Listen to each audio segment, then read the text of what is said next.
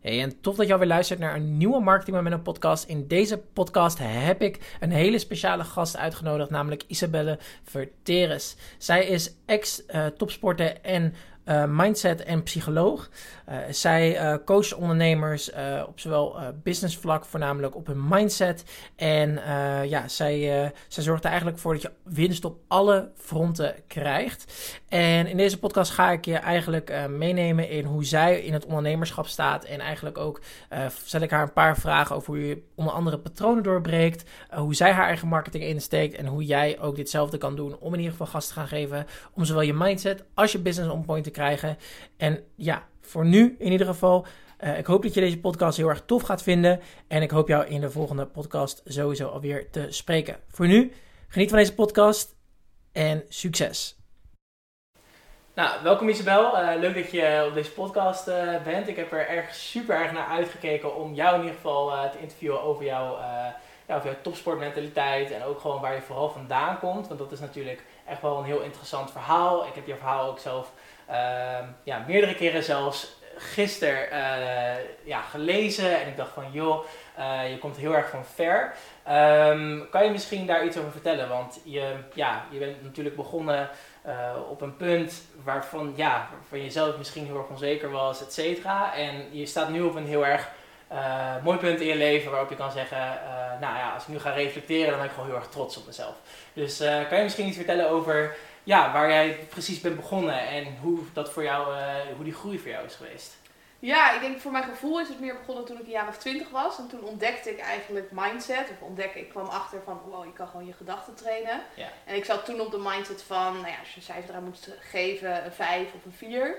Was niet extreem een onvoldoende, maar absoluut niet de toppen van mijn kunnen. Dus ik was kampioen in uitstellen. Ik was perfectionistisch. Ik maakte me heel druk om wat anderen vonden.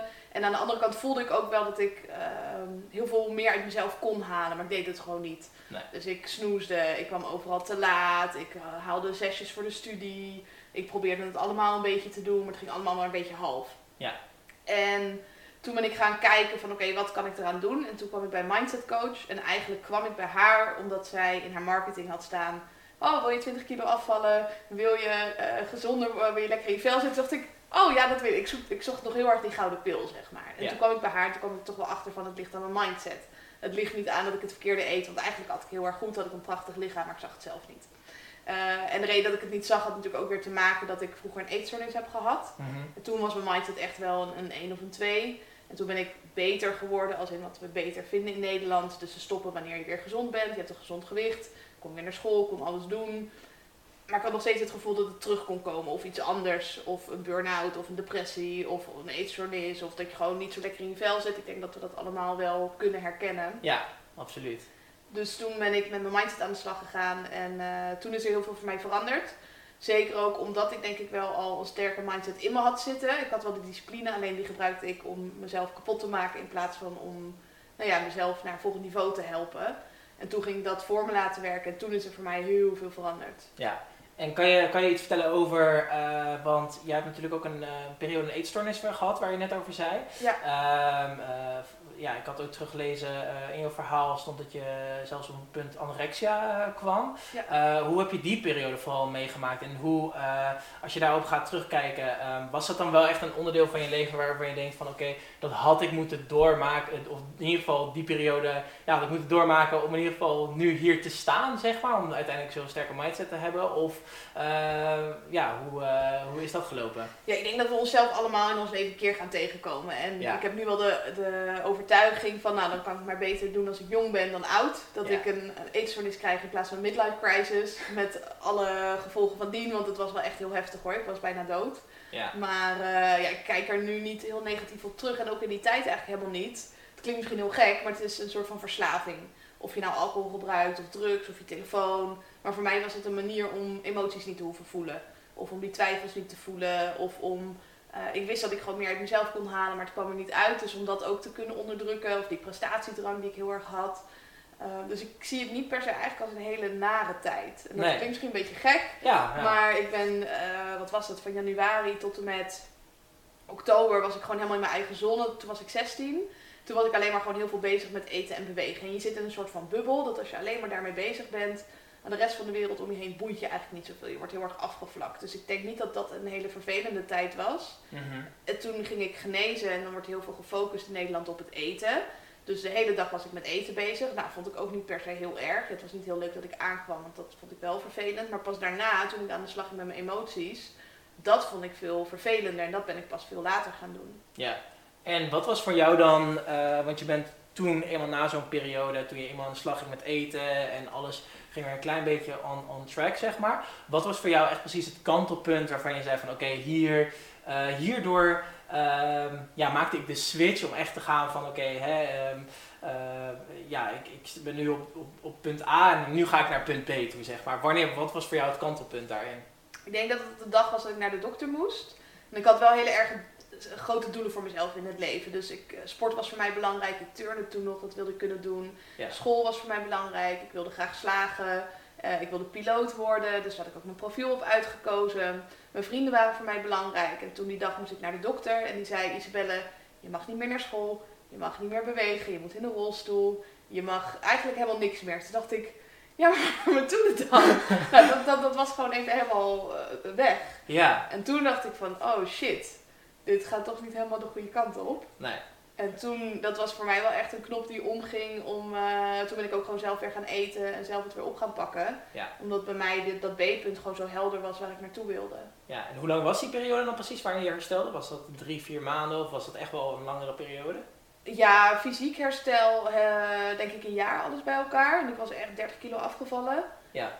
Um, alleen het mentale herstel duurt gewoon veel langer. Ja. Het, duurt zeggen ze minimaal zeven jaar voordat je er echt vanaf kan zijn. Als ik dan terugkijk van mijn zestiende tot ik denk inderdaad toen mijn mindset aan de slag ging, mijn 22e dat ik echt vanaf was. Ja. Maar dat gebeurt niet op magische wijze. Het is echt hard werken. Nee, precies. Want denk je dat in, uh, in Nederland we uh, heel erg met, met de, de, vooral met bijvoorbeeld um, anorexia bijvoorbeeld, in dit specifieke geval dan, uh, heel erg een quick, quick pil aangeboden krijgen, zeg maar. In de zin van een gouden pil van oké, doe even dit en dan komt het wel weer goed, ja, zeg ga maar. eten en dan komt het goed. Maar ook bij burn-outs, ga maar even niks doen en dan komt het wel goed. Ja. Of bij depressie, van ga maar leuke dingen doen en dan komt het goed. Maar het zit in de basis, zit het niet goed. Ja. Hè? En of, je nou, of dat nou resulteert in een eetstoornis of in een burn-out. En ik denk dat burn-out vandaag de dag wat makkelijker is, want er is zoveel werk en er zijn zoveel prikkels. Maar de basis is gewoon, ik wil niet voelen. En hoe je die gevoelens onderdrukt, of je dat nou met werk doet of social media, of met in mijn geval niet eten en heel veel sporten. Ja. Maar het gaat om die basis. Ja, precies. En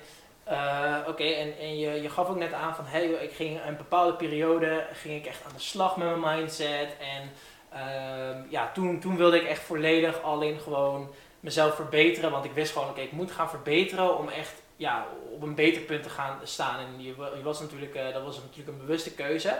Um, hoe, hoe, hoe pakte dat dan uit, zeg maar? Wat was, wat was de achterliggende gedachte, zeg maar? Waar, wat waren de stappen die je daarvoor had genomen? Of, ja, kan je daar wat meer over vertellen? Ja, ik deed toen de studie psychologie. En ik wilde altijd piloot worden, wat ik net al benoemde, maar ik was afgewezen. Ik was niet goed genoeg. En toen was ik maar psychologie gaan studeren, want ik wilde geen tussenjaar. Want in mijn hoofd kon dat echt niet, want presteren, presteren. Ja.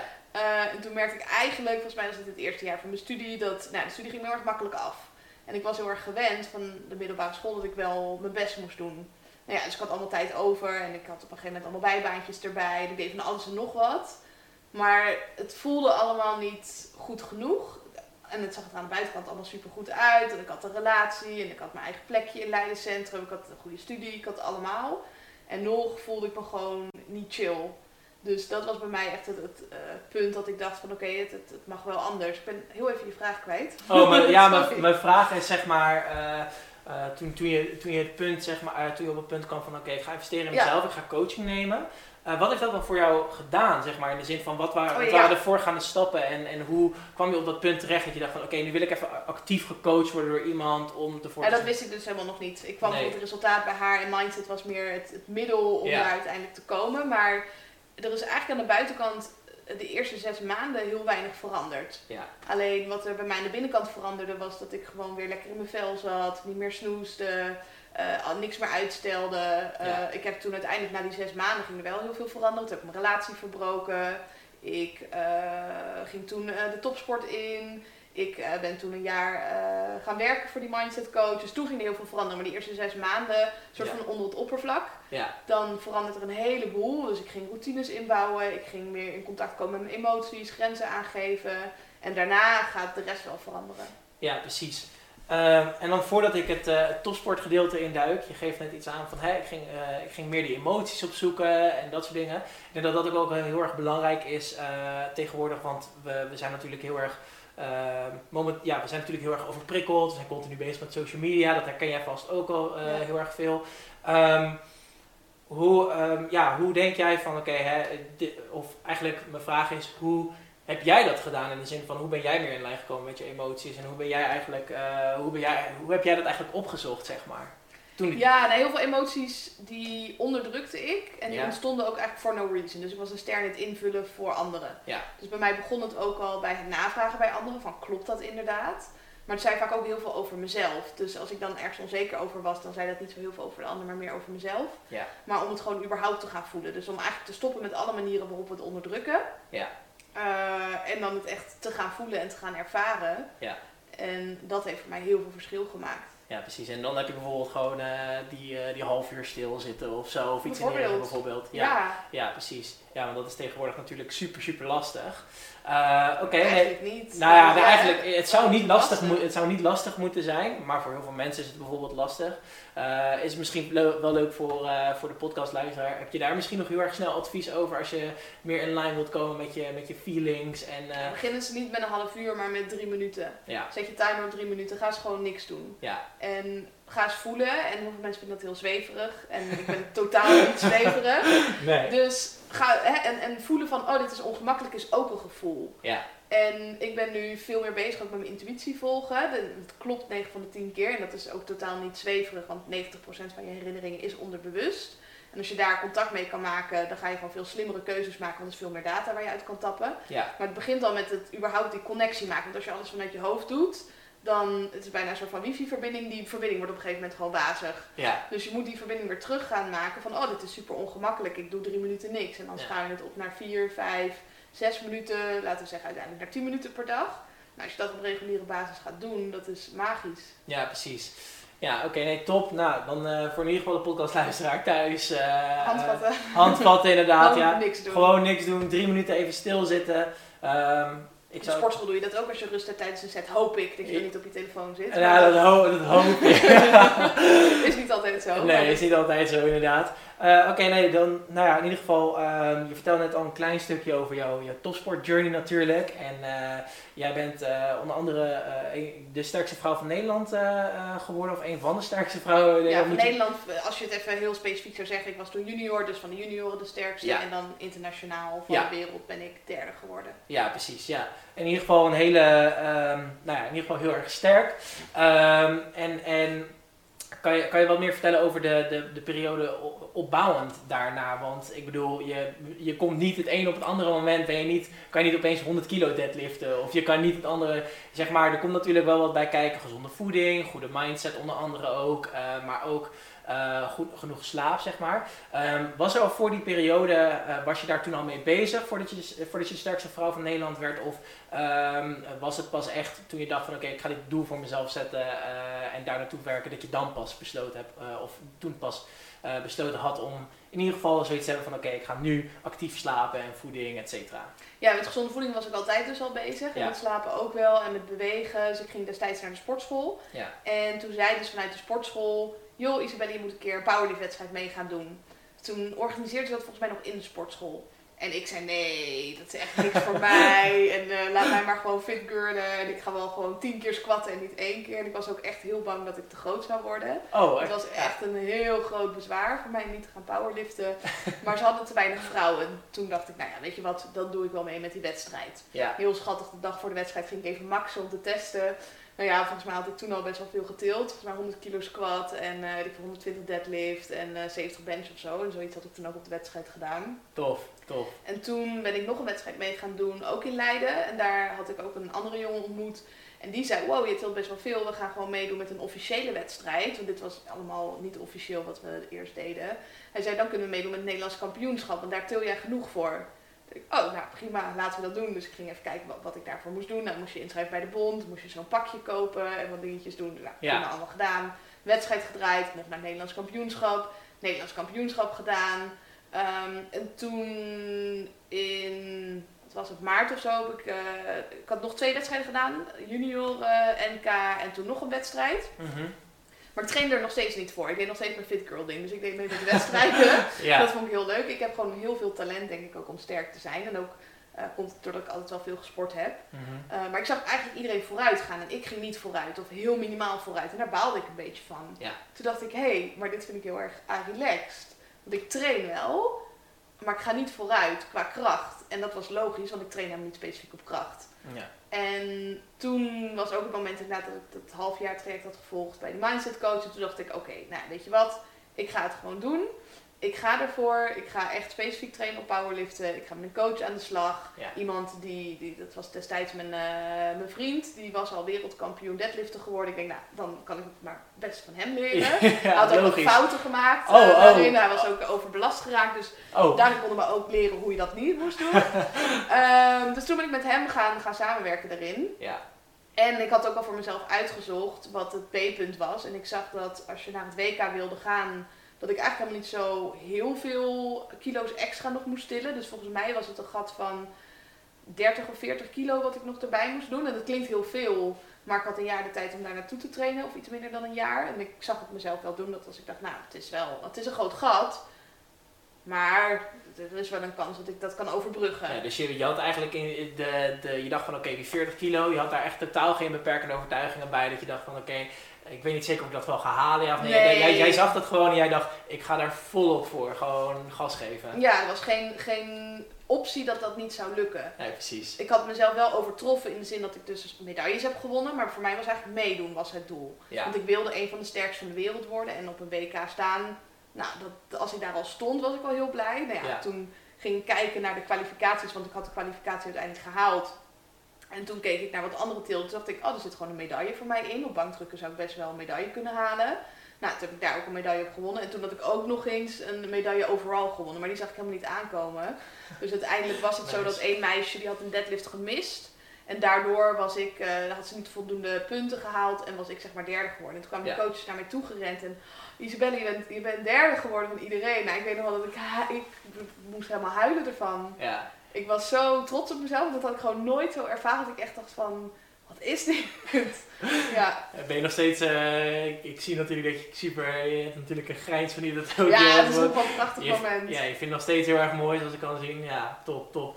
En um, wanneer dacht jij van, hè, ik, um, ik wil nu, uh, nu is het voor mij genoeg geweest. Nu is het voor mij genoeg geweest in de zin van, oké, ik ga niet meer uh, topsport doen. Nu is het voor mij gewoon, ik wil even een andere kant op in mijn leven. Want ja, ik wil gewoon iets anders doen. Uh, wat was voor jou uh, dat dan, ja, wanneer gebeurde dat dan? Ja, ik denk een beetje in het nieuwe schooljaar toen. Dus het WK was in juni. Was super leuk en uh, nou, de zomer doorgetraind. En toen begon ik met mijn master in het nieuwe jaar aan psychologie. En daarnaast had ik nog een baan van 20 uur erbij. Daarnaast deed ik nog topsport erbij. Dus ik deed eigenlijk een klein beetje te veel. Ja. En in de topsport begon ik een beetje overbelast te raken. Nee, mijn studie ging op zich best wel goed en de baan ook. Maar ik merkte ook in de samenwerking met alle coaches dat zij heel veel eisen hadden en daar wilde ik eigenlijk niet aan voldoen. Nee. Um, dus ik had voor mezelf bedacht van nou dan doe ik nog het EK, maar dan is het ook wel mooi geweest, dan stop ik er ook mee. Dus toen na het EK ben ik gestopt met uh, het powerliften zelf. En toen ben ik mijn eigen bedrijf gestart.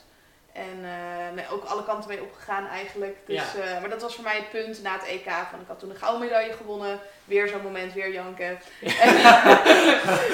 Altijd weer, janken. Heel, trots op mezelf. En ja, toen was het, ik had wel voor mezelf daarvoor al bedacht van, ik stop er hierna mee, het is goed zo. Ja. Ik haal eruit wat erin zit. En ik kan nog wel tien keer kampioen worden, maar dat heeft voor mij niet heel veel toegevoegde waarde. Nee, precies. Nee, oké, nee, tof. Ja, en, uh, en je, ging toen, uh, de je ging toen richting meer, hè, ik wil een onderneming beginnen, ik wil, um, ja, ik wil nieuwe doelen voor jezelf, denk ik ook dat je dat had gezet. Ja, of... vooral een nieuwe uitdaging. Ja. En ik had als doel om een sterk onafhankelijke vrouw te worden. Tof. Nou, sterk was ik, dus dat onafhankelijke stukje, dat mocht zich nog gaan ontvouwen. Ja, precies. Ja, en um, wat was zeg maar de ja, hoe, hoe, waar, je bent natuurlijk, je hebt twee bedrijven volgens mij opgezet, of drie, ik weet het niet zeker. Uh, het, is wel allemaal onder één, uh, ik ben gewoon ZZP'er geworden. Ja. En ik ben toen begonnen aan de hand van een webinar van Ja. Oh ja, ja. Over bol.com. En toen dacht ik, ja, maar ik ga niet jouw online programma kopen. Want volgens mij als ik een beetje google, dan weet ik exact wat ik zou moeten doen. Dus dat heb ik gedaan en dat, dat ben ik ook gaan doen. En toen eigenlijk ging dat heel erg goed. Oh, je begon eerst met bol.com, zeg maar. Ik begon met uh, spullen verkopen uh, op bol.com. En die kocht ik dan in via AliExpress. Oh ja, oké. Dus ja. Ja, daar had je geen jaar voor nodig. Nee, daar had ik geen jaar voor nodig. Wel voor het idee. uh, maar ik heb dat toen twee maanden gedaan en toen ben ik daar ook mee gestopt. Ja. Je verkoopt eigenlijk allemaal rotzooi. En het was niet mijn, mijn passie. Ik werd er niet blij van. Het verdiende prima. Maar ik was eigenlijk een soort van logistiek bedrijf. Ik was allemaal pakketjes aan het maken. Ja. Ja. Nou, daar werd ik niet heel erg happy van. Dus daar ben ik heel snel mee gestopt. En waar werd je dan wel gelukkig van? Uh, wat, wat, was dan uiteindelijk... Uh, ik ben eerst powerlifters gaan coachen. Dat vond ik ook heel leuk. Omdat ik eigenlijk de enige vrouw was die dat deed. Ja. Dus ik uh, via Instagram kwam ik dan op profielen en dan ging ik gewoon in gesprek met ze. Ja. En dan uiteindelijk, volgens mij toen in de maand, wat ik al vanmiddag ook zei, vanochtend, dat ik in de maand 10 klanten had. Ja. En uh, dat ging heel erg goed. Ja. Dus ik ging ze echt fysiek en mentaal en uh, ja, qua voeding en training coachen. En dat, uh, ja. Dus dat, dat ging gewoon heel erg goed eigenlijk. Ze behaalden onwijs veel resultaten. En ook gewoon resultaten die ze niet hadden aanzien komen. Dus ik heb één dame gecoacht. Mm -hmm. Zij was toevallig ook ondernemer. Ja. En ik coach daar op voeding, training en mindset. Ja. En zij had uh, een hersentumor gehad in het verleden. En daarvan was herstellende. En de arts hadden tegen haar gezegd, heel veel beter dan dit gaat het niet worden. Nee. En toen na een half jaar samenwerking met mij, al eerder zelfs, toen ging ze naar het ziekenhuis. En ze hadden natuurlijk ook al allemaal verschillen gemerkt. Maar toen zeiden de artsen van, we snappen er helemaal niks van. Maar jouw waarden zijn normaal. Je Ja. kan gewoon net zo functioneren als de rest. Terwijl ze eerst heel veel beperkingen had. Ja. En dat kwam een deel door de voeding, een deel door de training, maar met name dus ook door die mindset.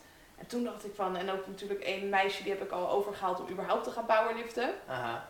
Ik denk dat je wel weet over wie ik het heb, maar ik zal haar naam even niet Eh, nee, noemen. nee, ik weet precies Ah, over wie jij het Ja, hebt. ze, om, om te gaan powerliften. En eh, nou ja, uiteindelijk is zij overgestapt naar een andere coach. Maar zij heeft toen ook een, een wereldrecord geprobeerd te trekken. En dat ik ook wel zag bij haar van, nou ja, ze haalt ongelooflijk veel resultaat. En natuurlijk heeft het meisje ontzettend veel talent. Mhm. Maar haar mindset is ook gewoon bizar. Ja, Dus toen zag ik wel mijn eigen toegevoegde waarde van ik moet veel meer mensen gaan helpen met die mindset en, en de trainingen en, en, en de voedingsschema's. Dat laat ik over aan andere mensen. ja, precies. Ja. Dus toen ben ik gestopt met mensen coachen in de powerliften. En echt tegen mensen ook nee moeten zeggen die naar me toe kwamen van wil je me alsjeblieft coachen. En toen ben ik me volledig gaan richten dus op het mentale stukje. Ja, en ehm, dus je, eh, je zag na een tijdje van, hé, oké, ik kan mensen supergoed coachen in de zin van powerlifting en dat gaat gewoon hartstikke goed. En ehm, toen ben je dus inderdaad steeds meer die mindset kant op gegaan. En eh, toen ben je eigenlijk, eh, wat je nu doet, ben je dus eigenlijk eh, toen de tijds begonnen. Isabel ja. Verteres coaching, toch? Ja, klopt. Ja, en dat ik ook überhaupt nog toch bij zeg. Want, ik denk gewoon even, even dubbel checken. En hoe, hoe was die stap dan eigenlijk voor jou? Want je stapt natuurlijk compleet soort van in een nieuw... Het was eigenlijk hetzelfde bedrijf, maar met een nieuw hoesje eromheen. Je ging volledig focussen op de mindset kant ervan. Um, hoe was het dan om zeg maar die eerste klanten te werven en dan werkelijk waar te denken van oké, okay, Oeh, ik ga nu met mensen samenwerken en ja, dat wordt gewoon, uh, ja, dat wordt gewoon uh, spannend. Of, hoe, uh, hoe, ja, heel spannend. Ja, echt. maar ik moet zeggen, het is niet zo zwart-wit gegaan. Dus we hebben het vaak over burn your boats. En dat klinkt natuurlijk heel tof. Ik weet niet of je dat verhaal kent van die leider die dan naar Mexico volgens mij ging varen. En dan met heel veel schepen ging en die heeft toen alle schepen verbrand. En toen Oh. zei hij tegen de soldaten, jongens kijk achter je, er is geen weg terug. Dus deze slag moet je wel winnen. Ja, En ze zeggen dat ze daarom de slag hebben gewonnen. Maar dat is meer vanuit angst en uit vertrouwen. ja, ja, precies. Dus ik ben, ik, voor mij hoefde ik niet per se alles achter me te verbranden. Dus wat ik eerst ben gaan doen, is dat ik het allebei ben gaan doen. Aha. En voor mij werkte dat ook best wel goed. En later dus die keuze heb gemaakt om het powerliften los te laten en steeds meer te focussen op de mindset. Dus er kwam gewoon meer een switch. Ja, Ehm, en het, het was wel spannend om daar echt meer voor te gaan staan. Dat merkte ik met name. Want ik wist al toen ik begon met ondernemen van ik zou heel graag mensen willen helpen met mindset. Want ik had ook al een jaar voor een andere mindset coach gewerkt. Maar om daar echt voor te staan, je hebt ook meer taboes erop. Eh, ik was psycholoog, dus ik wist er wel wat van. Maar ik had nog niet heel veel ervaring. Dus dat vond ik allemaal wel spannend. Ja, precies. Ja, dus je hebt het gewoon heel langzamerhand, gewoon heel tranquilo aangepakt. Ja, met succeservaringen, tot je genoeg vertrouwt in jezelf, dat je daarin kan helpen. Ja, Beginnen met voeding, training en mindset. En uiteindelijk dus alleen dat mentale vlak doen. Ja, dus jij zou niet zomaar iemand aanraden om gelijk burger boats en... Zeker, uh, nou ja, als het moet dan moet het, maar het is niet optimaal. En nee.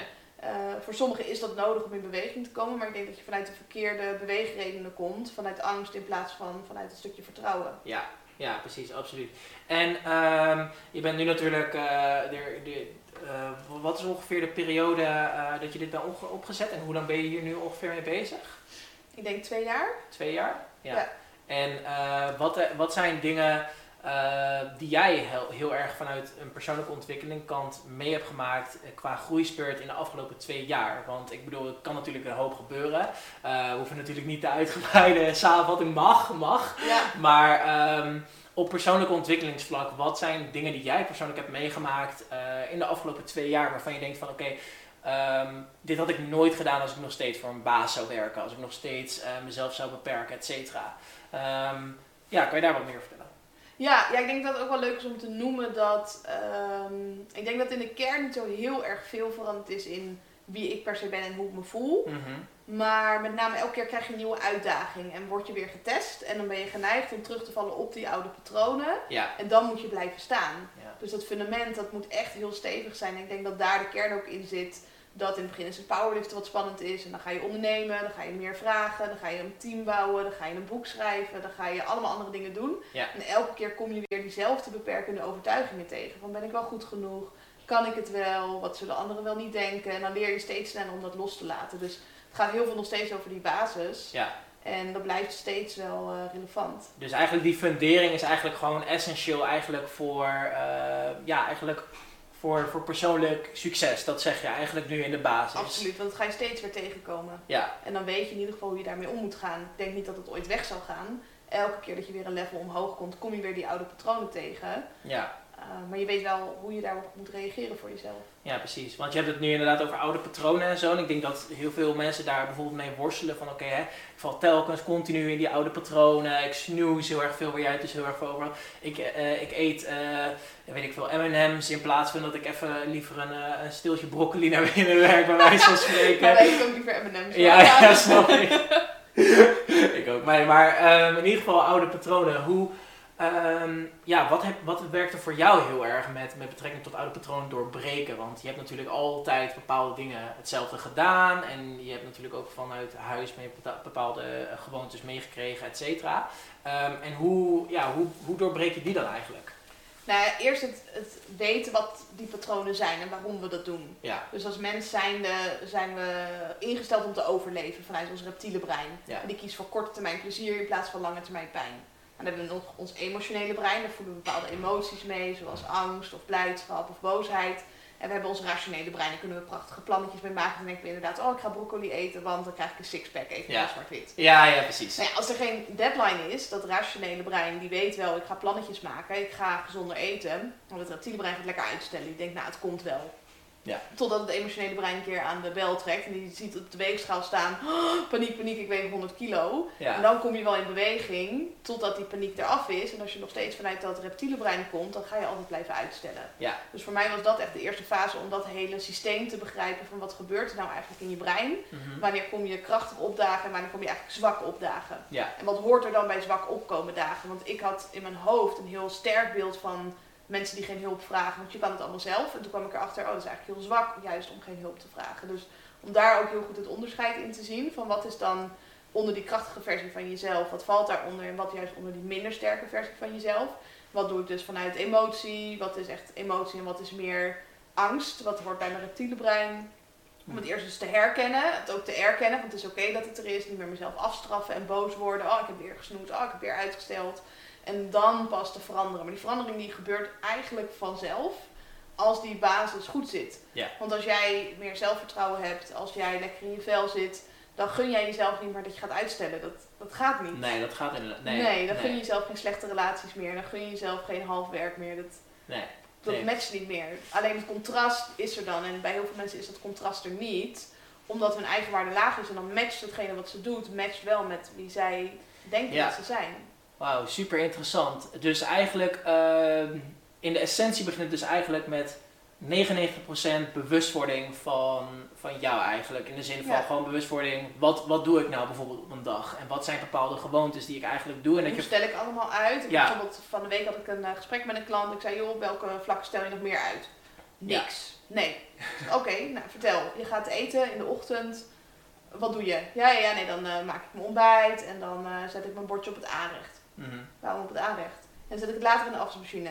Ja, Bam. daar stel je dus al. Je doet het op zoveel manieren. Je bent je daar gewoon niet bewust van. Of dat ik ook al zei van ik heb nu mijn 6 am club. En we staan om 6 uur met z'n allen op. En vandaag ging het over uh, de avondroutine. Ja. Dat de helft van de mensen een minuut voor het slapen gaan nog op hun telefoon kijkt. Ze zijn zich er niet bewust van dat dat zo slecht is ja, voor ja, je precies. Ja. Zonder oordelen. Maar Zonder oordelen. Voordat je straks allemaal boze reacties krijgt. Ja, het is gewoon ongelooflijk slecht voor je diepe slaap. Voor uh, dat je überhaupt in slaap komt. Uh, voor je prikkelverwerking. Maar daar zijn we ons niet bewust van. Dus je moet eerst bewust zijn van de dingen die je doet. Voordat je het kan gaan veranderen. En daarnaast een keuze. Dan kan je kiezen van ga ik het wel doen of niet doen. Maar als je het niet eens weet, dan zit die pijn er nog niet op. Nee, dan precies. doe je het met de overtuiging van, oh, het is niet zo erg. Ja, ja en ik, uh, ik heb even tussendoor, ik heb zes maanden coaching bij Isabel gehad. En uh, ja, ik heb zelf bijvoorbeeld hele goede, hele, hele goede resultaten. Uh, niet een hele pitch Stijn van maken, maar in ieder geval... Mijn, ja, wel, wel Isabel. ik ga niet daar te veel op in, maar... Um, één ding wat ik heel erg van jou dan heel, heel erg heb geleerd, en dat is inderdaad, dat komt nu ook wel terug. Hoe je één ding doet, is hoe je alles doet. Uh, en, en dat is inderdaad wat je net al zei, van hoe je één ding doet is hoe je alles doet. En dat is vooral eh, ja, um, uh, super interessant. Als je gaat kijken naar de andere dingen die je uitstelt, dan, ja, dan, dan ben je, kan je nog wel een lijstje zeg maar, maken wat je net, wat je net aangeeft. Een hele lijst ja. waarschijnlijk. Ja, dus, dus het begint echt inderdaad bij die, bij die bewustzijn zoals, zoals je net al zei. Oké, en um, dan, oké, dus dan... Uh, hebben we uitstelgedrag in ieder geval uh, gehad. En dan gaan we meer richting, uh, meer richting business vlak. Want um, hoe was het voor jou om, ja, eigenlijk in de afgelopen twee jaar, laten we gewoon begin van de mindset coaching nemen. Um, hoe was het opzetten daarvan? Ging dat heel erg gemakkelijk af? Of dacht je, oké, okay, hmm, misschien wat ik net al zei, van hmm, uh, moet nog een klein beetje zoeken naar klanten? Of, of, of hoe, hoe was dat? Hoe was die beginfase vooral? En um, ja, hoe was die, uh, die groei die, die je toen hebt meegemaakt?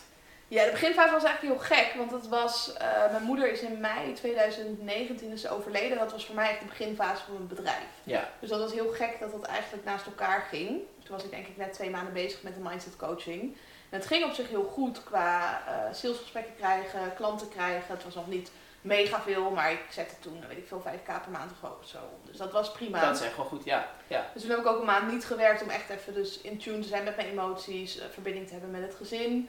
En toen daarna, toen ging echt de, het gaspedaal ging erop. Het ging echt keihard. Ja. Het, ik wil niet zeggen het ging vanzelf, maar ik zag wel echt wat er moest gebeuren. Dus ik had mijn B-punt heel helder waar ik naartoe wilde. Ik wist waar ik nu stond. Dus ik ben gewoon heel snel begonnen met een weggever maken. Nou ja, ik zag al van ik heb geen verstand van advertenties, dat ga ik uitbesteden. Ik heb geen verstand van design, dat ga ik uitbesteden.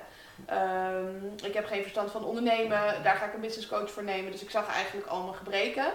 Uh, en ik zag ook van wat ik wel zelf wilde doen en niet zelf wilde doen. En toen ben ik daar snel mee aan de slag gegaan. Ja, dus je hebt echt gewoon gelijk. Uh, dus eigenlijk een stukje doelen, wat je dus eigenlijk zet van hè, ik wil, ik wil gewoon, ja. gewoon heel helder hebben van oké, ik wil, ik sta nu op punt A, oké, dit is niet waar ik wil staan, ik wil duidelijk overduidelijk naar punt B.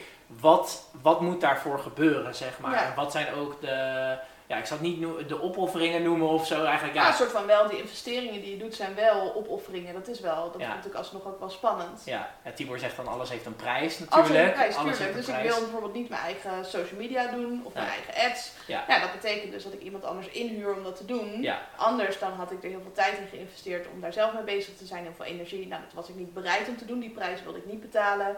Maar wel de prijs om dat bijvoorbeeld dus uit te besteden. Ja, ja precies. Heel erg helder. En um, uh, zijn die doelen voor jou langzamerhand ook een klein beetje uh, veranderd? Dus eigenlijk, uh, want ik, ik, kan me natuurlijk voorstellen, je bent als jij zes maanden met je bedrijf bezig bent, dan denk je, en het ging gewoon heel erg lekker, het ging gewoon heel, groeide gewoon heel erg hard. dan kan ik me ook voorstellen dat je na een tijdje zoiets hebt van, nou, ik ben eigenlijk wel op een punt gekomen waarvan ik denk van, nou ja, nu, nu is het gewoon goed, uh, nu moet ik nieuwe doelen gaan stellen. Ja, um, steeds op. Ja, nou, ja, precies, ja, continu eigenlijk. Ja, op een gegeven moment wordt het ook een beetje saai, want dan weet je gewoon welk doel ik stel, ik haal het gewoon. Dus ja. het is een soort van candy shop waarin je denkt, oh ik wil dat, oh ik wil dat. Ja, precies. En wat is nu, uh, wat zijn momenteel uh, je doelen en waar wil je graag naar, naartoe als, ja, met je bedrijf zijn? Wat, want je, je, we zijn natuurlijk hiervoor, voordat de podcast opgenomen werd, hebben we het gehad over je team en waar je heen wilt gaan met co-coaches onder andere. Um, ja, wat zijn nu momenteel zeg maar de doelen waar je naartoe wilt werken? En, um, Op welke termijn? Uh, ja, laten we gewoon een jaar zeggen ongeveer. Ja. ja. Dus ik weet over vijf jaar bijvoorbeeld helemaal niet waar ik naartoe wil. Nee. Maar over een jaar wel. Dat weet ik veel scherper. Uh, Stel jij liever korte termijn, uh, zeg maar 12, 12, maanden in plaats van liever uh, Geen 10 jaar. 48 of zo. of weet ik veel, of ja, nou, weet ik, nou, 30 maanden of zo plan of iets in die richting. Nee, nee, gewoon echt 12 maanden. 12 ja. maanden, ja. Meer doe ik eigenlijk bijna niet. De meeste doelen is ook gewoon meer een, een half jaar plan dan een 12 maanden plan. Ja. Maar ik denk dat dit is wel iets meer dan een jaar, denk ik, maar uiteindelijk om uh, dus die verschillende takken te maken. Dus ik heb een stukje sport wat ik doe, een stukje mindset wat ik doe, een stukje ondernemen wat ik doe, om dat los te gaan trekken van elkaar. Nu doe ik het allemaal en ik doe natuurlijk ook uh, mijn podcast, ik doe mijn boek. Ik heb dan nog uh, losse producten, dus om dat steeds meer los van elkaar te trekken in plaats van een hele grote hoop. En dat er meer uit te gaan besteden en ook met een groter team dus uiteindelijk te gaan werken. Om op die manier een stukje meer impact te kunnen maken, maar zelf ook gewoon die rust weten te behouden, omdat het anders echt too much wordt. Ja, precies. Ja. En oké, top. En jij zegt dus eigenlijk van oké, als ik hele lange termijn doelen ga stellen, dan wordt het een klein beetje onrustig eigenlijk. Dat kan ik dus, of, of, of uh, heb ik dat mis? Nee, nou ja, als ik kijk waar ik over vijf jaar wil staan, heb ik op het vlak van ondernemen denk ik oké, dan zou ik mezelf gewoon veel meer misbaar willen maken in het bedrijf. Ja. Uh, maar op de andere vlakken ja, dan heb ik gewoon mijn huisje, uh, bij huisje, boompje, beestje. Dat is uiteindelijk wat ik wil. En ik denk ook als je alle laagjes daar afpeelt, dan wat er overblijft voor ons als mens, denk ik, is gewoon liefde en verbinding. En dat is het belangrijkste. En niet die omzet, die getallen, die, en de mensen die ik wil helpen, is niet vanwege de prijs die ze mij betalen. Maar omdat ik hen wil helpen als persoon en ik weet dat die prijs is gewoon een financieel commitment, waardoor ze er veel meer mee gaan doen, onder andere. Ja. Um, maar dat is uiteindelijk waar het om gaat. Dat je het leven van een ander stukje mooier maakt, maar ook dat je je eigen leven mooier maakt. Dus dat is voor mij voor over vijf jaar wat ik zou willen. En dan over één jaar denk ik, oh, dit ga, dit ga ik doen, dat ga ik doen, dat ga ik doen. Maar over vijf jaar denk ik niet van, ik heb een super heldere visie waar Isabelle Viteris coaching naartoe moet. Nee, precies. En linksom of rechtsom gaan we daar komen. Nee, want ik weet gewoon gaandeweg, dan uh, gaat de route veranderen. Ja, ja, precies. En ik had ook nog een hele, hele brandende vraag tussendoor, want het is wel interessant. We hebben het net natuurlijk over de perk en de overtuiging gehad. We hebben het nu over een stukje business. Um, wat zijn zeg maar beperkende overtuigingen die jij had en die jij hebt gehad in de afgelopen twee jaar rondom het stukje business? Want ik kan me natuurlijk voorstellen, iedereen die, uh, die, die jou een beetje kent, die denkt van oh, uh, het gaat allemaal super goed met uh, Isabelle, weet je wel. Die heeft vast geen beperkende overtuigingen en die doet vast, die doet allemaal dingen die allemaal uit de comfortzone liggen, maar dat is inmiddels al gewoon comfortabel voor haar. Um, net nog in de sneeuw gelegen. Ja, net nog in de sneeuw. lekker rustig kletsen. Ja, lekker rustig kletsen inderdaad, ja.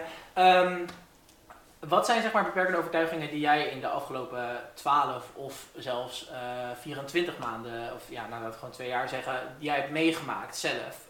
Um, want ja, iedereen heeft natuurlijk nogmaals een vertakt, nou ik kan niet zeggen een vertakt beeld, maar misschien wel een beeld van jou dat ze denken van oké, weet je, Isabel heeft het allemaal onder controle, het gaat allemaal goed en dat is ook, dat gaat ook voor, voor mij Klopt beeld, zeg maar. Ja. Het gaat ook inderdaad heel erg goed. Uh, maar ik kan me vast ook wel voorstellen dat jij ook wel gewoon een keer in je bed hebt gelegen en dat je dacht, ik heb oh, zelf nu... al heel vaak gefilosofeerd hoor. Ja. Als de Law of Attraction 100% werkte, dan uh, zaten we hier nu niet. Dan zat ik in een doos onder een brug uh, in de regen. Nu, ja. Uh, ja. ja, nee, beperkende overtuiging. Ja, ik, ik kan het niet. Ik ben niet goed genoeg. het gaat niet lukken. Dat, dat, dat ik, al, alles komt voorbij. Alles. Absoluut. Ik kan het niet aan, heb ik ook wel gehad. ik ga burn-out raken. Ehm, maar ik heb geen overtuiging gehad over wie zit er op mij te wachten, maar eerder van ik weet niet hoe ik ze moet bereiken. Ja, ja precies. Oké, dus ja, oké. Oh, dat is wel echt, uh, echt tof. En heb je die. Heb jij, ja, sorry. Waarom is dat tof? Sorry. ja, ik vind dat tof om te horen in ieder geval, want nou, gewoon zeg maar. Um, uh, ik, ik vind dat tof om te horen, omdat ik denk dat heel veel. Um, nou ja, zoals ik al zei, heel veel mensen die denken bij jou waarschijnlijk van, hé, Isabel is gewoon uh, een topper die geen problemen heeft in haar leven, zeg maar. Dat is misschien het beeld wat mensen van jou kunnen hebben.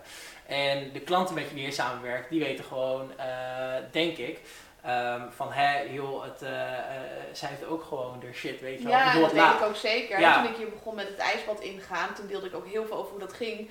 Ja, de onzinnigste dingen als de sleutel wil niet omdraaien was al een excuus voor mijn reptiele brein om te zeggen, weet je wat, we gaan het niet meer doen. Dat ja. ik zelf echt moest herpakken. Nee, dat is onzin. Ik ga gewoon dat ijsbad in. Dus ik heb nog steeds die gedachten, maar ik overwin ze wel. En ik kijk er ook naar, maar de, de, we blijven als mens basisovertuigingen houden. Want we willen verbinding hebben en we willen groeien. onze nagels groeien, onze haren groeien, we willen groeien. En we willen verbinding met elkaar, want dat hebben we nodig om te overleven. Dus we zijn heel bang dat we die dingen niet hebben. Ja. Dus ik denk dat dat altijd wel zal terugkomen. Ja, ja, en even nog verder op in waarom ik dat tof vond, is omdat ik ook gewoon, ik vind tof dat je het zeg maar ook gewoon deelt en dat je gewoon daar eerlijk over bent. Ehm, want ik bedoel, dat is gewoon, ja, ik vind dat gewoon iets moois. Ehm, en en uh, als ik hem dan weer even ga terugpakken op, um, op, de, op de businesskant. want mijn, mijn podcast gaat natuurlijk heel erg veel in de richting over marketing, over sales, ook een stukje psychologie. En, en wat, um, wat is voor jou, zeg maar, wel onder andere um, uh, cruciaal geweest, of eigenlijk een, een groot onderdeel geweest in uh, het, het succes van jouw business op het gebied van marketing? Dus jij, want wij hebben natuurlijk heel erg uh, voor de podcast gehad over, jij bent heel erg veel outreach, heel erg veel naar voren. De baan opgaan. Ja, ja, de baan opgaan inderdaad. En dat vind ik bijvoorbeeld heel erg mooi aan jou. Maar wat zijn nog meer cruciale stappen die jij hebt ondernomen waarvan je denkt van oké, dit heeft wel een impact gemaakt met betrekking tot marketing op mijn bedrijf, zeg maar. Kan, dat, kan ook bijvoorbeeld een stukje advertenties zijn. Dus ik ben heel snel gaan adverteren. Dus echt uh, meteen al ben ik een gratis weggever gaan schrijven en die gaan adverteren. Ja. En een hele funnel erachter gaan maken met uiteindelijk een, een call to action naar een gesprek met mij. Uh, dus dat ben ik al heel snel gaan doen. Ja. Uh, maar met name ook gewoon de sturen op die één op één gesprekken met mij. Ja, en noem het salesgesprekken, ik noem het zelf een doorbraaksessie. En mensen halen er ongelooflijk veel waarde uit. En dan kijken we daarna samen van, uh, kunnen we samen aan de slag? Of kan je met even mijn co-coaches aan de slag? Is dat voor jou een relevante stap? Ja. En daarvoor moet je dus met mensen in gesprek komen. Want als jij een product hebt, maar je hebt geen klanten, dan heb je geen bedrijf. Precies. En andersom, als je er geen geld voor vraagt, dan doe je vrijwilligerswerk. Uh, en daar merk ik dat veel ondernemers de mis in gaan. Die gaan niet de baan op, die gaan niet uh, met mensen in gesprek komen. Dus ik denk dat dat bij mij echt wel een groot verschil heeft gemaakt. Want als jij ook je marketing bijvoorbeeld uiteindelijk wil uitbesteden, dan moet jij omzet gaan creëren of je moet een spaarpotje hebben. Ja. Dus ik was heel erg bezig met, oké, okay, uh, in het begin, de eerste twee jaar heb ik geen winst gemaakt. Omdat ik zoveel bezig was met uh, geld nou ja, krijgen van klanten. En dat stak ik dan weer in de marketing. En dat kreeg ik dan weer van klanten en dat stak ik weer in de marketing. Dus alles ging gewoon het bedrijf in. Ja. Dat het door bleef gaan en door bleef groeien. En toen in het derde jaar ging ik wel winst maken. Ja. En uh, goed ook, zeg maar. Maar dat ga ik uiteindelijk weer, komend jaar gaat er ook weer gewoon heel veel het bedrijf in. Ja. Dus op die manier krijg je die exponentiële groei. Dus deels de baan opgaan voor mij in het begin. Gewoon via Instagram outreach inderdaad. Zodat ik dan uh, budget had om te steken in de ads. Dat ik niet meer zelf alleen maar de baan op hoefde te gaan omdat het moest. Ik mhm. wil het nu heel graag. Ik vind het heel leuk om te doen. ja, ik vind het leuk om ehm, gesprekken natuurlijk te voeren. Heel leuk om te doen, ja. ja, en uh, ja, mensen zijn ook heel open tegen mij. Dus dat vind ik ook heel leuk. Dat, ze echt zoveel vertellen. Ja. Um, maar dat ik het niet meer nodig heb. Dus dat je uiteindelijk een bedrijf kan maken dat ik niet meer aan de knop hoef te zitten. En dat je het kan doen omdat je het wil. In plaats van omdat het moet. En daar is gewoon marketing uh, en, en ads is daar een hele mooie manier van. Dus als ik nu vraag in een gesprek wat ik met iemand heb van, joh, hoe kom ik op je pad? 9 van de 10 keer is ja, ik zag een advertentie van je op Instagram. Ja, ja precies. Ja, en um, oké. En, en nou, super, super goed uh, dat je in ieder geval, ja, want heel veel ondernemers die zijn natuurlijk heel veel laid back. Die denken, oh die klanten die moeten komen wel die, die, die, komen wel op pak. ja, ik, ik, ik, manifesteer wel. Wat goed, wat, wat oké. Ik ben enigszins ben ik ook wel weer fan van gewoon denken, oké, het komt wel goed. Echt in het vertrouwen stappen waar jij maar niet net... zomaar. Nee, nee. Ik, bedoel, ik heb een leuk voorbeeld van mijn boek. Ik wilde heel graag dat mijn boek in de boekwinkels kwam te liggen. Dus ik had een hele lijst gemaakt, inderdaad vooroverleunen, à la mij uh, e-mailadressen, een brief opgesteld en noem maar op. Ja. En ik kreeg toen uiteindelijk, uh, voor het weekend, kreeg ik een bericht van iemand, joh, ik zou eigenlijk heel graag jouw boek willen uitgeven, of willen uitgeven, willen verkopen in mijn boekwinkel. Ja. En toen dacht ik, wow, hoe, hoe komt dit? En toen dacht ik, ja, natuurlijk gebeurt dit, want ik heb ervoor gezorgd dat mijn lancering een explosie is. Ja. Iedereen zit aan het delen, iedereen is aan het doen. Dan kan het bijna niet anders dat iemand dus uh, dat ziet en denkt, wow, er hebben gewoon 500 mensen dat boek gekocht in twee dagen. Ja. Dat moet ik verkopen. Het is geen toeval geweest. Het is geen uh, nee. door meditatie, maar gewoon door mijn harde werk. En natuurlijk kan ik nog meer naar voren leunen door allemaal dingen aan te schrijven. Maar als je al een stukje hard werk hebt gedaan, Dat is dat sneeuwbaleffect. Als je een duwtje hebt gegeven, dan gaat die bal wel rollen. Maar je zal wel in beweging moeten komen om dat te krijgen. Het is geen toeval dat iemand mij een berichtje stuurt. Want als ik dat niet had gedaan, dan was dat nooit gebeurd. Ja, precies. Ja. Ja, en uh, wat ik ook wel heel erg mooi vind aan jou is jij, uh, jij bent echt uh, pro geen aannames maken. Jij bent echt de, de, de, de, oordeelloze, ik, ik, ik, zou je nog niet, ik zou je nog niet de oordeel, oordeelloze, zo, dat is echt moeilijk hoor, oordeelloze vrouw noemen. Maar ik zou je wel gewoon echt als iemand, ja, in mijn hoofd heb, je, heb ik jou gewoon ook als vorm, ehm, ja, voor me, als iemand die nooit een aanname maakt. Eigenlijk, ja, ik heb jou nog nooit uh, ook uh, als ik tussentijds gesprekken met jou voer, bijvoorbeeld via WhatsApp, dan is het ook altijd: oké, we gaan geen aannames maken, et cetera. Um, hoe, hoe is dat voor jou uitgepakt? Want um, ik bedoel, ik kan me voorstellen, je hebt natuurlijk je funnels opgebouwd en je hebt natuurlijk je ads uitbesteed. Dat gaat hartstikke goed en alles loopt gewoon. Uh, maar um, wat, heeft, wat heeft het voor jou opgeleverd dat jij nooit eigenlijk aannames doet? Want dat vind ik wel heel erg bijzonder, want heel veel ondernemers die denken van, oh ja, ik doe de aanname dat ik uh, dat dit gaat werken bijvoorbeeld. Dat ik bijvoorbeeld een funnel heb opgezet en die gaat voor mij op automatische piloot klanten opleveren. En dan ga je er ook anders in. Ja, dan ga je precies. bewijs zien dat het werkt, ga je veel te lang door. Ja. Of je gaat ergens in met de overtuiging het werkt niet en dan ga je dat ook zien, stop je te snel. Ja, ja, ja precies. En, en uh, hoe, uh, hoe heeft het voor jou in ieder geval gezorgd dat jij, doordat je geen aannames maakt, dat je wel gewoon uiteindelijk meer succes bent gaan behalen, zowel op in salesgesprekken als in, uh, ja, als in je funnels, et cetera. Want jij test bijvoorbeeld echt ongelooflijk veel. Ja, je gaat sturen op basis van data. Ja. Dus je ziet bij salesgesprekken, als er bijvoorbeeld, ik had van de week had ik een situatie waarin er drie keer hetzelfde voorkwam in een salesgesprek. En dan ga je kijken op basis van die data. Van oké, als het één keer voorkomt, koppel geen emotionele waarde aan. Niks aan de hand. Maar als het drie keer voorkomt in de week, dan denk ik van hé, hey, hier moet ik iets mee. Ja. Er klopt, er is een mismatch ergens. Ik, ik moet iets gaan veranderen, want dan neem ik ook al mijn eigen verantwoordelijkheid. Dan denk ik niet, oh ik ben slecht in sales. Maar wel, ik zou iets moeten aanpassen in het gesprek, net even anders moeten doen, waardoor het weer beter gaat lopen. Want ik weet gewoon, dit werkt in de kern. Maar bijvoorbeeld met andere dingen, zoals uh, we hadden die advertentiesloop van de 6am Club. Nou, dan heb je dat langere tijd getest. Dan zien we in de data, hé, hey, het, het, nou, het werkt wel, maar we betalen gewoon een hogere prijs ervoor. Ja. Wat zou er kunnen zijn? En dan ga je kijken naar de oorzaken, ga je dat weer testen. En dan ga je op basis van data testen in plaats van op basis van je angsten. Want dat is het vaak. Het is niet intuïtie, maar het is echt je angsten van, oh het werkt niet. Of je te positieve instelling, het werkt wel. En dan ga je er alleen maar langer mee door. En dan doe je eigenlijk iets wat waarschijnlijk niet werkt, maar omdat je de data niet hebt. En hoe lekker is het als er sales binnenkomen? Ja. Maar zijn gewoon veel te veel geld in je advertentie stopt. Stel je hebt een product van 27 euro en het kost 30 euro om uh, daar iemand voor te krijgen. En dan krijg je wel allemaal bestellingen binnen. Voelt heel goed. Ja, voelt heel goed. Maar, het werkt niet. Nee, precies. Nee, en um, dat is ook iets uh, wat ik bijvoorbeeld uh, heel erg heb gezien tijdens onze coaching. Is dat jij heel erg, jij hebt heel erg benadrukt van oké, okay, doe heel erg veel van de dingen die werken en doe heel erg weinig van de dingen die niet werken. Dus gewoon continu bijsturen en continu schakelen, et cetera. En um, is, er, is er binnenin bijvoorbeeld uh, x aantal maanden dat je echt concreet gaat zitten van oké, ik ga nu even naar mijn ads kijken, ik ga nu naar mijn inkomsten kijken, ik ga nu naar mijn uh, funnels kijken. Nou, eigenlijk 360 degree overview, zeg maar, een helikopter overview. Uh, is er zeg maar een periode dat jij dat bijvoorbeeld één keer in drie maanden doet? Of dat jij. Ja, ik doe het sowieso in december. Ja. Dan ga ik echt zitten van wat moet er dit jaar allemaal gebeuren. Dus ik heb toen in, uh, maar, ja, met de mentaliteit die ik heb, is dat ook in no time is dat allemaal gebeurd. Dus mijn website moest aangepast worden, mijn film moest weer aangepast worden. Ja. Er moest gewoon wat dingen gebeuren. En toen zei je ook meteen toen samen gingen werken, uh, allemaal nieuwe sales. Nou, dat kwam doordat de call to actions waren aangepast in de film. Nice, maar, nice. Uh, ja, meestal doe ik dat één keer per jaar, dat ik het gewoon even weer allemaal naloop. Maar soms ook al eerder dat ik denk, oh, ik, ik merk dat mijn... Uh, website teksten niet meer helemaal kloppen. Ik wil het wat aanpassen, dus dat doe ik sowieso. Ja. Um, maar verder hou ik ook de cijfers gewoon heel goed bij. Dus ik heb standaard een financieel scorebord waar de inkomsten en uitgaven allemaal ingaan. Dus ik kan heel erg goed zien van dit komt erin, dit gaat eruit, dit waren nodige uitgaven, dit waren onnodige uitgaven. We doen veel te vaak doen we onze hand voor onze ogen. Ja. We kijken niet naar de financiën, want dan is het er niet. Nee, precies. Dat doe ik dus niet. Nee. Uh, dus dat hou ik heel erg goed bij. Um, en dan eens in de zoveel tijd kijk ik naar de openingsrate. Verander ik eens een titel van de mail. Uh, dus ik ben daar veel mee bezig, zeker met alle data. Ja, precies. Ja. Met hoeveel mensen het webinar bekijken, hoeveel mensen er kopen. Ja. Nou ja, wij zijn natuurlijk ook bezig met de cijfers. Wat betaal je voor een lead? Wat is een lead waard?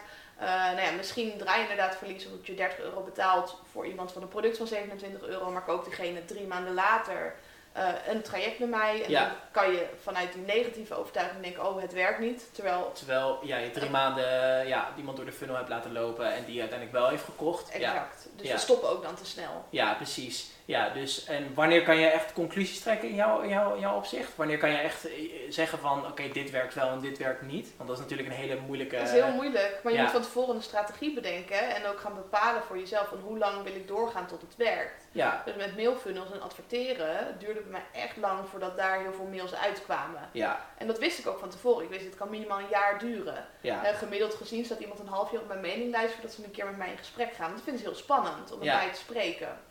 Ook al zeg ik van ik bijt niet, ik uh, ga je niet aan je haken bezig. Toch vind ik het heel spannend. Ja, want je spreekt met iemand die je niet kent. En ik doe dat heel veel. Mhm. Voor mij is dat mijn nieuwe comfortzone. Maar voor hen is het echt spannend. Ja. Dus je moet ook je doelgroep kennen van uh, hoe lang duurt dat ongeveer. Ja. Die data moet je verzamelen. Uh, en, en het dan ook door weten te zetten. Ja, dus jij zegt ook, kijk heel erg in plaats van heel erg kort termijn. Dus het is leuk als je sales binnenhaalt. Tuurlijk maar, is het leuk. ja, tuurlijk is het leuk. Um, maar jij kijkt ook bijvoorbeeld heel erg naar Ehm, hè, als er iemand nu over, weet je, het duurt gemiddeld zes maanden voordat iemand in gesprek met mij komt. Joh, het is niet erg als ik nu uh, eh, 4 euro betaal voor een lead bijvoorbeeld. Want ik weet dat ik sowieso een return on investment van bijvoorbeeld uh, uh, 4,97 kan krijgen als die persoon ongeveer 6, 6 maanden in de funnel is geweest, zeg maar. Dus, ja, ja, als ik kijk naar mijn boeken, ik heb dan die boeken laten drukken, ik heb het design laten doen, ik heb er zelf tijd voor vrijgemaakt. Nou, dan heb je verzendkosten, verpaktijd, al die dingen. Ja. Ik maak verlies op mijn boek. Ja, als je kijkt naar de cijfers, zou het een hele domme zet zijn voor mij om het boek te doen als je korte termijn kijkt. Ja. Kijk je lange termijn, zie je alle andere kansen. Het is niet alleen financieel, maar ook andere dingen die op je pad komen. Ja, ik heb altijd een leuk cadeautje om mee te nemen naar mijn podcast, bijvoorbeeld. Ja. En dat kunnen zij weer doorgeven. Nou, er zijn heel veel voordelen aan. Dus daarin is lange termijn en wat breder bekijken ook interessant. Dat je niet te veel op die cijfers gaat sturen. En waarom jij natuurlijk ook zegt, ik vind het niet leuk om met dropshippers te werken. Dat is alleen maar korte termijn. Je draait de advertentie, er komt geld uit, eventueel een retargeting. En dan houdt het ook op. Je bouwt geen band met die mensen op. Nee, precies. Nee, en dat, dat, dat, dat vind ik inderdaad wel heel erg mooi dat je dat, uh, dat, je dat nu, uh, uh, nu zo zegt. Dus eigenlijk um, is het zo, hè, het is gewoon heel erg afhankelijk van, oké, wat, wat wil ik eruit halen? En daar bijvoorbeeld ga je, dus je verandert één ding in een funnel, dat ga je bijvoorbeeld twee, drie maanden aankijken. En dan ga je bijvoorbeeld kijken van, oké, heeft het gewerkt, ja of nee? En dat je dus niet, maar ook gewoon wel heel erg langer termijn blijft kijken van, oké, hè gemiddeld gezien duurt het misschien zes maanden voordat iemand een gesprek met mij aankaart.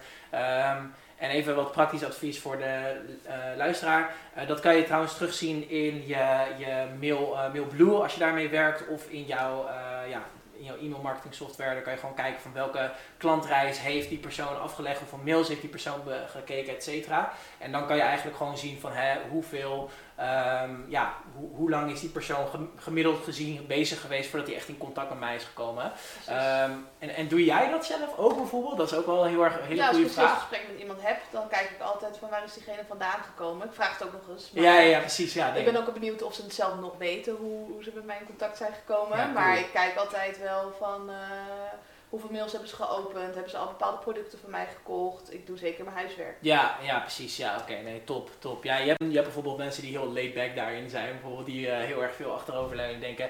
Oh joh, ik laat de funnel gewoon lekker lopen en ik uh, wacht zes maanden en dan kom er daarna pas achter van... als ik een klant binnenkrijg, dat die klant helemaal niet via de mailfunnel is gekomen. Natuurlijk, hij stond er wel op, maar hij heeft nooit... de data. Ja, nooit een mail geopend bijvoorbeeld. Um, oké, super, super. Um, ja, ik had nog verder wel even een, uh, uh, wel een interessante vraag. Um, misschien uh, voor jou. Um, want we hadden het net natuurlijk over die doelen stellen. Je wilt, um, je, je wilt Isabel Verteres wil je natuurlijk verschillende subcategorieën onder hebben, correct? Ja. Hebben we heel vragen. En um, hoe lang zie jij jezelf nu nog in je eigen bedrijf zeg maar, werken? Want je wilt natuurlijk onmisbaar zijn zelf, dat geef je ook aan. Um, en daar is niks mis mee overigens, want dat is gewoon, uh, ja, dat is gewoon Ja, in ieder geval de potentie hebben dat het kan. Ja. Dus dat het een keuze is, dat het geen moeten is, dat je niet een soort van marionet bent. Dat als jij uh, de, de, touwtjes aanstuurt, dat het hele geheel aan het dansen is. Maar ja. je in principe zou kunnen zeggen van ik doe een stapje terug. En het loopt alsnog gewoon door. Ja, ja precies. Ja. En, en hoe lang wil je dat nu nog, uh, um, in de zin van hoe lang wil je nog nu uh, door blijven gaan met op de manier waarop je nu aan het werk bent? Oh, ik denk dat over een half jaar, dat het, elke keer draait het weer 180 graden. Dus ik denk okay. over een half jaar dat ik weer heel ergens anders sta. Oké, okay, ja. ja. Ja, steeds meer lege agenda. Ja. dat is waar ik nu dan naartoe ga, dat je hem zelf kan invullen hoe je wil. Ja. En dat je dan ook weer meer ruimte hebt om na te denken over de andere stappen. Super tof, super tof. En uh, heb je toevallig nog vragen voor mij? Want dat is natuurlijk ook wel grappig. Ik vind het ook wel mooi om te doen. Ik ben jou een podcast, maar ja. heb je misschien nog vragen voor mij? Ja, ik ben bij jou ook heel benieuwd. Je hebt natuurlijk ook een hele leuke groei doorgemaakt van het coachen van fitnessmensen tot het willen werken voor anderen naar uiteindelijk je eigen bedrijf. Mhm. Wat was voor jou zeg maar die knop dat je zoiets had van oké, nu ga ik 100% voor uh, wat je nu doet? Voor ads? Um, voor mij was 100% de, de, de, de de, draai, ja, de, de, spin, hoe noem je dat? De spinfactor? Ik weet niet. Nou ja, laten we gewoon zeggen dat het, uh, het kwam heel erg omdat ik, um, ja, erachter kwam dat ik eigenlijk helemaal niet gelukkig werd van wat ik eigenlijk doe. Ik was iets aan het doen waarvan ik dacht van oké, dit is leuk. En ik begon het ook gewoon vanuit de intentie van dit is leuk. Maar totdat je werkelijk waar realiseert van oké, je moet een bedrijf gaan runnen. Maar hoeveel energie haal je daar werkelijk waar uit? Um, en voor mij was het kantelpunt om echt met ads aan de slag te gaan. Um, uh, A, doordat ik voor mezelf best wel veel resultaat realiseerde. En ik vond het heel erg leuk om aan de knopjes te draaien. Om te kijken van oké, als ik nou één zin verander in een advertentie, wat gebeurt er dan, weet je wel. Ja, en, heel erg uh, data-driven. Ja, heel erg data-driven. En ik, ik zat daar echt gewoon, ik zat, na een tijdje merkte ik gewoon dat ik, in plaats van dat ik mensen aan het coachen was, zat ik veel meer op mijn Facebook ads. Dus toen zag ik al, oké, die verhouding die klopt na een tijdje niet meer. Ehm, eh, dus ik had na een tijdje ook veel minder coachgesprekken en ik zat veel meer op mijn advertenties en ik was veel meer, mensen op die, uh, veel meer bezig om de mensen die funnel in te krijgen. En na een tijdje realiseerde ik me van, ja, ik wil eigenlijk gewoon de marketingkant op, want dit slaat gewoon natuurlijk helemaal nergens op. Uh, dus uh, toen heb ik uiteindelijk gewoon de keuze gemaakt van, joh, ik ga gewoon dit loslaten. I'm gonna burn my boats, literally. Ja. en uh, wat jij zegt van, ja, ik zal het niet iedereen aanraden, maar... Er is ook een fase bij jou geweest, toch? Eerst ging je wat meer voor andere ondernemers werken. ja, ja, ik heb, ja, ik heb bijvoorbeeld gesolliciteerd bij de IMU, bij Ilco heb ik een tijdje opdracht, opdrachten gedaan, gedraaid, Ilco de Boer trouwens. Um, zo... Uh, Wil je dan ook ads voor hen gaan doen? Um, nou, ik zei wel van, hé, ik wil ads voor jullie gaan doen, maar daar stonden ze niet voor open. Dus uh, voor mij was dat ook wel gewoon zoiets van, oké, als je daar niet voor open staat, dan uh, ga ik dat zelf, zelf maar eigenlijk doen. Ja. En ja, ik ja, toen ben ik uiteindelijk begonnen als VA en toen uh, opdrachten voor haar gedraaid, voor haar klanten, want zij was business coach zelf. En uh, ik weet dat jij hekel hebt aan het woord. Uh, ja. ja, en um, toen heel veel resultaat gedreven en dat was voor mij een keerpunt van oké, nu moet ik al in gaan. Want ik heb van jou onder andere ook gewoon geleerd, als je iets gaat doen, ga dan gewoon All in. Gewoon all in. Gewoon niet meer. zeker als je weet dat je de, de magic te pakken hebt. Ja. Ik ben altijd van het in het begin, wat, waar we het net ook over hadden, ga verschillende dingen testen en dan kies je de winnaar uit. Juist. Nee, je had de winnaar gevonden. Ja, ik had de winnaar gevonden inderdaad. En dat is inderdaad wat ik denk van, nou ja, toen ben ik uiteindelijk al ingegaan en nu is het gewoon uh, heel erg hard aan het groeien. Um, dus, wat voor uh, verschil mindset daarbij gemaakt, denk je? Uh, veel meer in het, uh, we hadden het net over een stukje love attraction, uh, heel kort, maar vertrouwen, et cetera. En heel erg ehm, jij gaf het ook aan in een keer in een coachgesprek van hé hey, nou je bent veel meer vanuit vertrouwen nu aan het ondernemen in plaats van schaarste. En uh, nu denk ik, ik, ik, had natuurlijk een heel erg tekort mindset. Ik dacht van oké, nee het komt niet goed, die klanten die moeten nu, nu, nu, nu, nu, nu, nu alles, alles nu. Veel minder lange termijn zeg maar.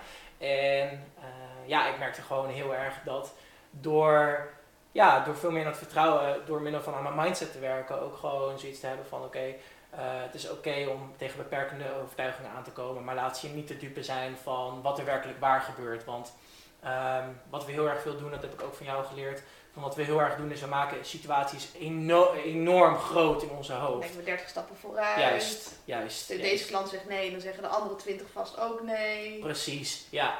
Ja in plaats van dat je gaat kijken naar wat, wat, wat gebeurt er werkelijk waar. En uh, um, ik ben veel minder uh, gaan kijken naar, oh, het gaat moeilijk, het gaat slecht, et cetera. Maar meer gaan kijken van, oké, nou, het komt wel goed. Ik weet dat ik potentie in me heb. En uh, ik ga gewoon klanten outreachen. Ik ga gewoon vooroverleunen, wat jij ook gewoon doet. Ik ga gewoon contacten leggen, in netwerken komen. En uh, toen is dat balletje uiteindelijk gewoon gaan rollen. Het is eigenlijk het sneeuwbaleffect. Uh... Ja, en bij jou voelde ik al heel snel van dit, dit klopt gewoon. Ja, dit klopt. Ja. Het klopte. Ja. Ik, ik, kan moeilijk de vinger erop leggen wat het dan was.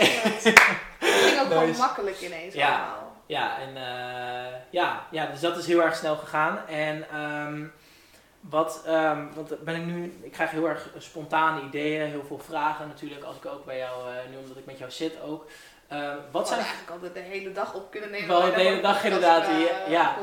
Uh, wat zijn voor jou echt vereisten, want ik weet niet zeker of je deze vraag al hebt gesteld, maar wat zijn voor jou vereisten om met jou samen te werken? Sowieso commitment. Gewoon 100% commitment. En een heleboel mensen zeggen dat ze committed zijn, ja. maar die zijn het helemaal niet. Nee. Laten we het voorbeeld nemen van gewicht verliezen. Er zijn een heleboel mensen die zeggen dat ze gewicht willen verliezen, maar die zijn niet bereid om consistent meer te bewegen, minder te eten. Ja. Dan, vallen, dan valt al 99% af. En dat is ook om met mij samen te werken. Ze zeggen wel, ik ben 100% committed. En dan komt het stukje financiële investering. En dat vinden ze zo spannend. Daar hebben ze allemaal overtuigingen over. Daar begint het eigenlijk al. Daar begint de coaching al. Van, kun jij dan de mogelijkheden zien om aan de slag te gaan? Nou, zie je die niet, dan ben je niet committed. Want je bent niet bereid om dus te doen wat nodig is. Ja. Dus mijn allereerste investering was ook in mindset coaching. Dat was 2400 euro voor drie maanden. En die heb ik toen uiteindelijk ook verlengd. Nou, dat geld had ik niet. Ik was zelf toen student. Maar ik ben gaan doen wat nodig was om het voor elkaar te krijgen. Ja. En voor mij betekende dat dat ik om hulp moest vragen. Dus dat ik mhm. naar mijn ouders moest gaan en dus moest vertellen: Pap, mam, het gaat helemaal niet zo goed met mij. En dat vond ik het aller, allermoeilijkste, dat ik dat moest zeggen. En hen eigenlijk moest overtuigen door mezelf wat lager neer te zetten, terwijl ik altijd heel goed eruit wilde zien. Ja. Ehm, om dat te gaan doen. En daar begon zeg maar al het stukje van, ben je nou echt committed? Zeg je dat je het wil? Of wil je het en ga je linksom of rechtsom zorgen dat het gebeurt? Ja. Dus dat is bij mij eigenlijk de grootste vereiste om met mij te mogen werken, is dat je 100% committed bent. Ja. En uh, nou, dat we een match zijn. Dat ik een, een leuke vibe voel. Ehm, en ik werk alleen maar samen nog met ondernemers. Ja, ja. Ja, super.